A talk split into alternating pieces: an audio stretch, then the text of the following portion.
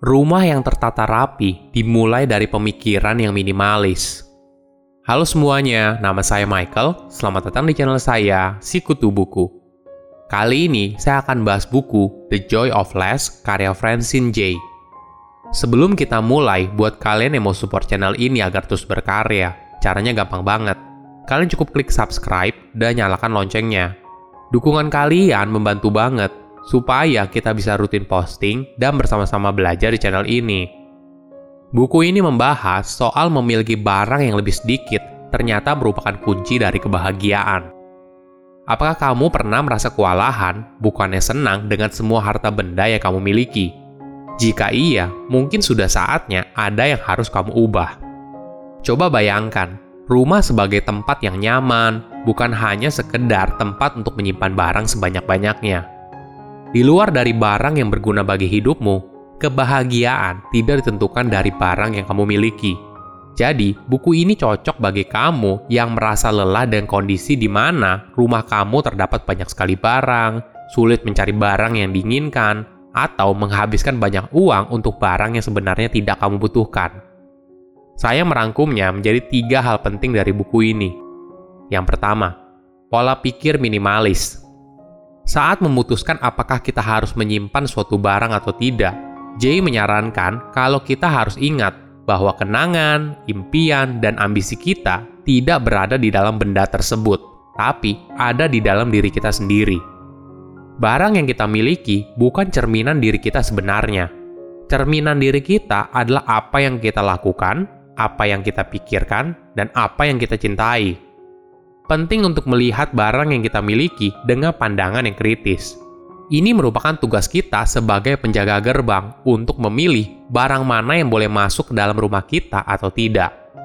Ketika kamu mau membeli sebuah barang, coba renungkan beberapa hal dulu sebelum membuat keputusan. Apakah barang ini pantas berada di dalam rumah saya?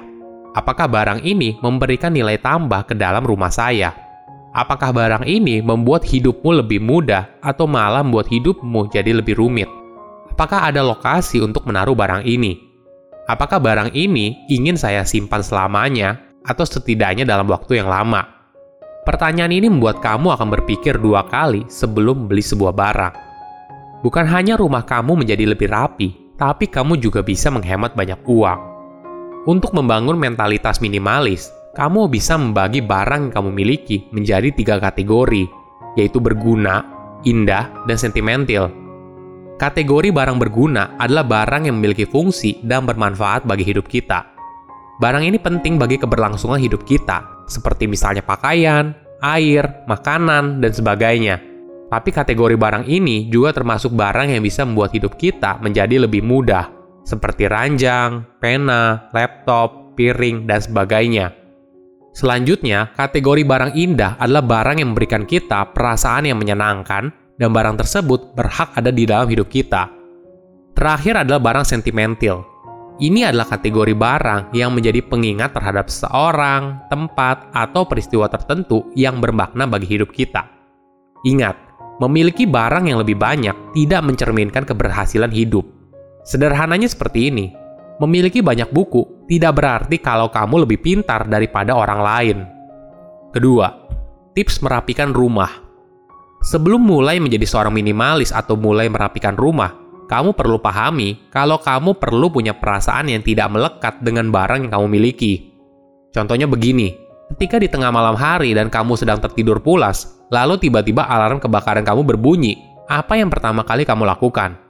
Apakah kamu berusaha mengambil barang sebanyak-banyaknya, misalnya laptop, dokumen penting, atau foto kenangan? Tentu saja tidak. Hal yang paling penting adalah lari keluar rumah untuk menyelamatkan diri. Nah, kalau begitu, dalam kondisi genting, barang material tidak lagi menjadi hal yang penting. Tentu saja dalam perjalanan, pasti akan timbul perasaan melekat terhadap barang yang indah dan sentimental. Namun di satu sisi, kita harus menyadarinya dan menjaga perasaan kita untuk tidak melekat. Karena barang yang indah dan sentimental bukanlah barang yang sangat penting. Mindset ini harus kamu miliki sebelum memulai kegiatan merapikan rumah. Jika sudah, Jay memberikan tips apabila kamu ingin mulai merapikan rumahmu dengan teknik streamline yang merupakan akronim dari start over, trash treasure or transfer, reason for each item, everything in its place, all surface clear, modules, limits, if one comes in, one's come out, narrow down, dan everyday maintenance. Oke, kita bahas singkat satu persatu ya. Start over artinya kita memulai dengan sesuatu yang baru. Kamu bisa memulainya dari satu bagian rumahmu dulu. Misalnya, kamu bisa mulai dari ruang keluarga atau ruang tamu. Jika sudah, kamu bisa masuk tahap kedua, yaitu trash, treasure, or transfer. Trash adalah kategori barang yang sudah tidak bagus dan tidak layak untuk didonasikan. Misalnya baju luntur atau barang yang sudah kadaluarsa dan sebagainya. Treasure berisi kategori barang yang indah dan sentimental.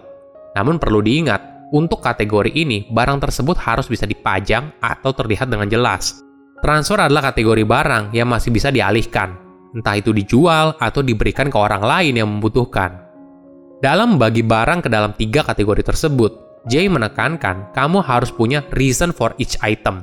Artinya, ada alasan kenapa barang tersebut harus kamu simpan. Streamline berikutnya adalah everything in its place, all surface clear, dan modul. Ini artinya, dalam menentukan lokasi barang yang kamu simpan, kamu harus tahu dulu apakah barang ini kamu gunakan rutin setiap hari, setiap minggu, setiap bulan, atau malah setahun sekali. Informasi ini akan menentukan di mana barang tersebut akan kamu simpan. Misalnya di dekat kamu, di dalam lemari, atau di gudang rumah. Selain itu, kamu juga bisa menyimpannya berdasarkan kategori barang yang sama. Misalnya obat-obatan yang ditaruh di laci spesifik.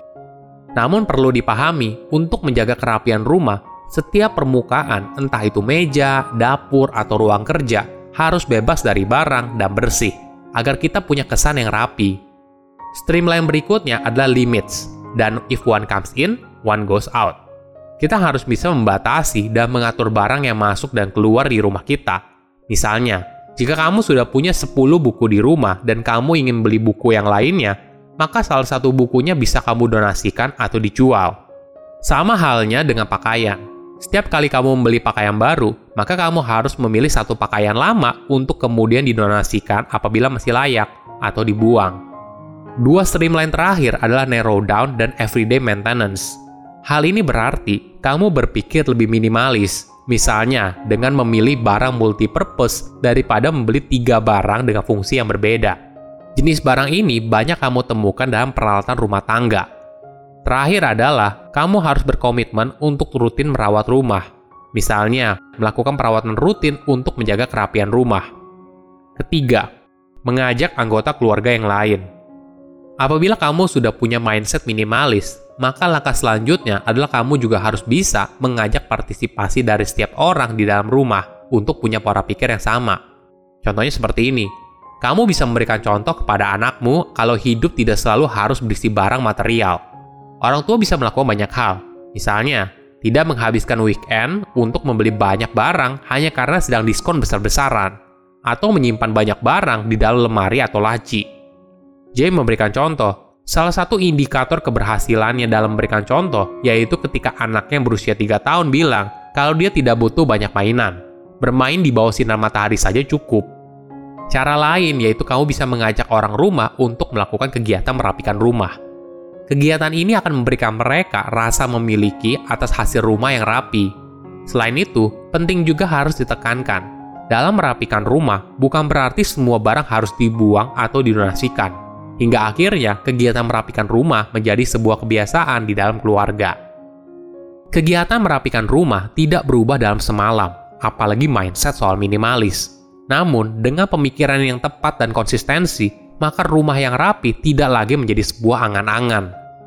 Silahkan komen di kolom komentar pelajaran apa yang kalian dapat ketika baca buku ini. Selain itu, komen juga mau buku apa lagi yang saya review di video berikutnya. Saya undur diri, jangan lupa subscribe channel YouTube Sikutu Buku. Bye bye.